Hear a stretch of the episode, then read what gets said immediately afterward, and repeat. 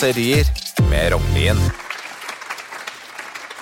Forleden sto jeg utenfor et hotell sammen med hundre andre norske menn. Vi venta på fotballbilletter, og det viste seg at vi skulle bli ropt opp i alfabetisk rekkefølge. Da ingen hadde etternavn som begynte med A, brølte reiselederen så det gjallet. Balle! En stakkar luska slukøra bort til opproperen og mottok billetten, mens resten av mannfolka skotta på hverandre og gliste lurt. Alle tenkte det samme.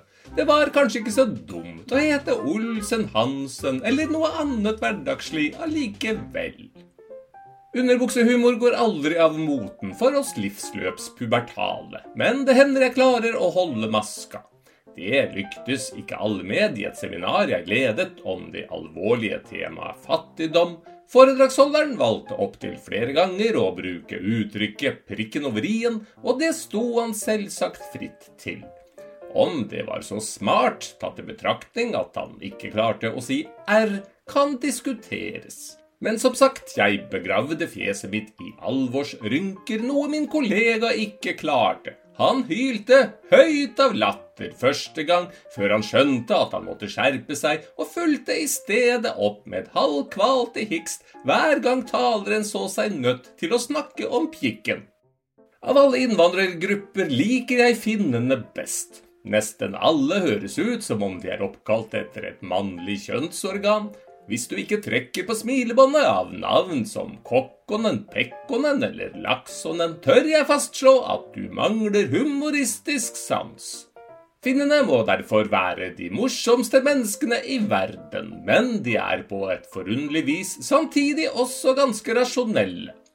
Når barna først skal leve med navnet til en del av kroppen, er det en viss logikk å velge nettopp det organet som kan påberope seg hovedæren for forplantningen. Også latvierne kan begeistre. Jeg skulle introdusere foredragsholdere i Riga, og på talerlisten befant det seg en professor.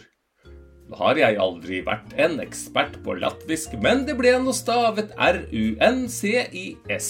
Altså het mannen herr Runkis.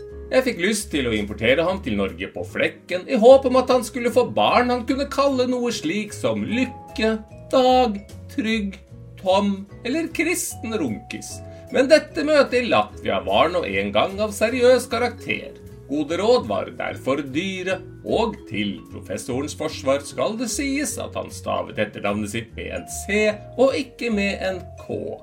Mitt halmstrå var derfor at etternavnet ikke skulle uttales like grovt som det tilsynelatende kunne virke som. Jeg trodde derfor jeg var smart og spurte hvordan etternavnet skulle uttales. Det gjorde ikke saken noe bedre. Han ville jeg skulle titulere ham som herre Runtis. Det var tre andre nordmenn til stede. Vanligvis surfet de på VG eller leste e-poster når jeg snakket, men denne gang fulgte de forventningsfulle med da jeg skulle introdusere taleren. Aldri har de vært så interesserte i hva jeg hadde å si.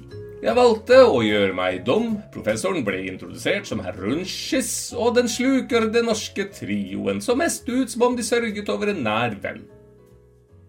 Norge har hatt stolte perioder den gang vi dyrket kreativiteten og ga statslederne våre treffsikre klengenavn.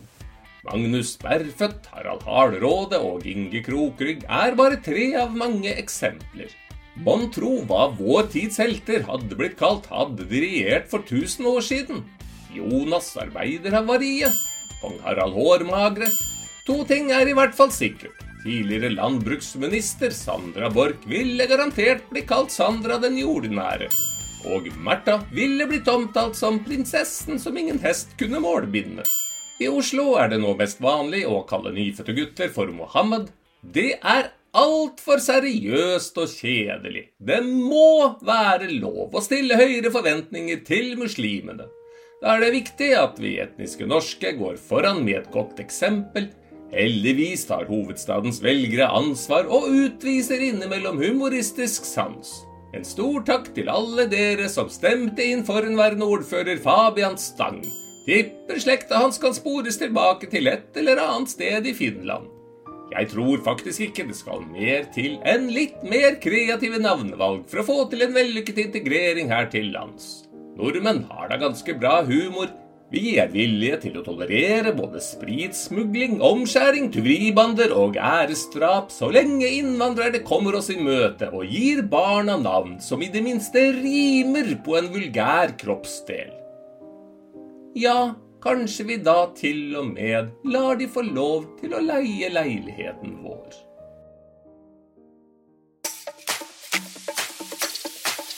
Du har lyttet til Kuriøse kåserier